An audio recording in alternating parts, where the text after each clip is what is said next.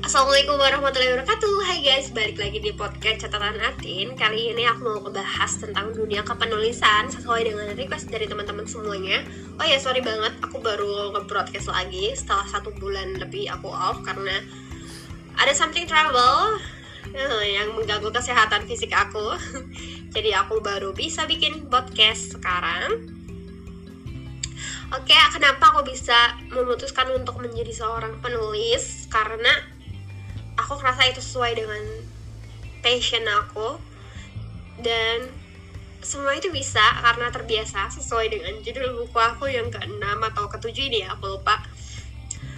Uh, sekarang masih aktif nulis insya Allah masih. Project yang lagi dikerjain apa? Yang pastinya nulis buku doain aja semoga bisa rampung dalam waktu dekat.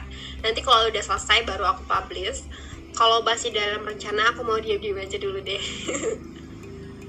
kalau ditanya asik gak sih jadi penulis? Asik banget karena waktunya lebih fleksibel. Abis itu kita bisa meng-create apa yang menjadi imajinasi apa yang ada di dalam pikiran kita apa ide-ide kita itu bisa kita tuangkan dalam bentuk tulisan dan itu tuh bisa ngebantu kita untuk menjaga kesehatan mental kita juga terus bisa membuat dampak yang besar untuk orang lain juga karena dengan membaca tulisan kita yang insya Allah bermanfaat itu bisa mengubah dunia seseorang gitu kan. Itu menjadi kebanggaan tersendiri sih.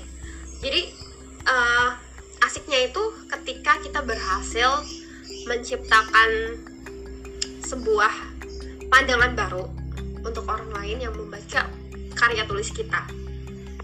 Kalau ditanya kesulitan menulis apa banyak kesulitannya.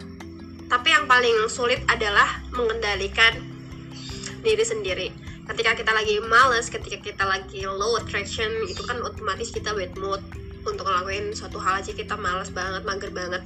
Dan untuk menulis itu juga butuh motivasi yang besar dalam diri sendiri.